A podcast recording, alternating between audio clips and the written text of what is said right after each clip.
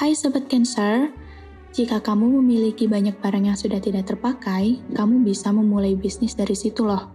Percaya nggak? Contohnya nih, kamu bisa membuka akun thrift shop, dengan begitu keuanganmu akan lebih stabil di minggu ini. Karena menumpuk barang yang sudah tidak terpakai hanya akan mempersempit ruang gerakmu.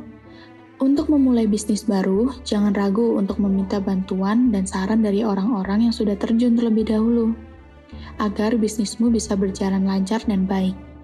Minggu ini juga merupakan waktu yang tepat untuk memanjakan diri. Kamu bisa membeli apa pun yang sudah kamu idam-idamkan sejak lama.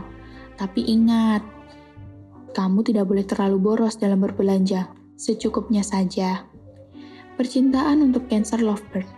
Mungkin di antara semua sobat Cancer ada yang sedang putus cinta saat ini. It's okay not to be okay. Tapi jangan terlalu berlarut-larut ya kamu pasti akan menemukan penggantinya. Kamu hanya perlu mempersiapkan diri untuk memulai lembaran yang baru. Untuk sobat Cancer yang masih single, jangan pernah merasa sendiri.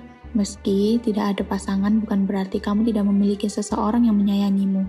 Lihat sekitarmu, masih ada keluarga dan teman-temanmu yang tidak pernah pergi.